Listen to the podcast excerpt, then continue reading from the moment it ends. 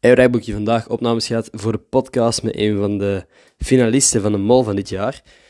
Zal de eerste aflevering van het nieuwe seizoen van Gossip Guy podcast zijn.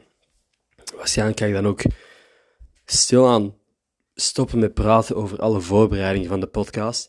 Dat is gewoon wat dat de afgelopen weken mijn hele leven heeft overgenomen. Ik ben echt heel enthousiast ook over deze aflevering. Dit is de eerste die online komt van het nieuwe seizoen.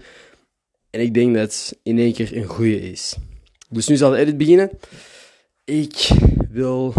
Ik zei dat ik zaterdag een trailer wou droppen van het nieuwe seizoen. Ik denk dat ik naar vrijdag wil verzetten.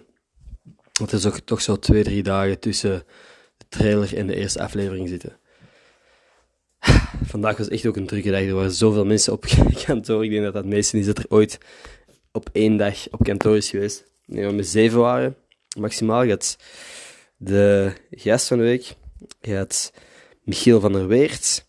Matthias die aan het filmen was. Willy die aan het co-hosten was. Ik.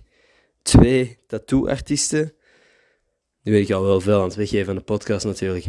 Anyway. Maandag. Shake it. ik ben fucking hyped. Ik weet niet of je het al door hebt.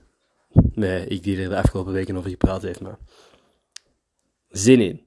Uit. Doe maar je.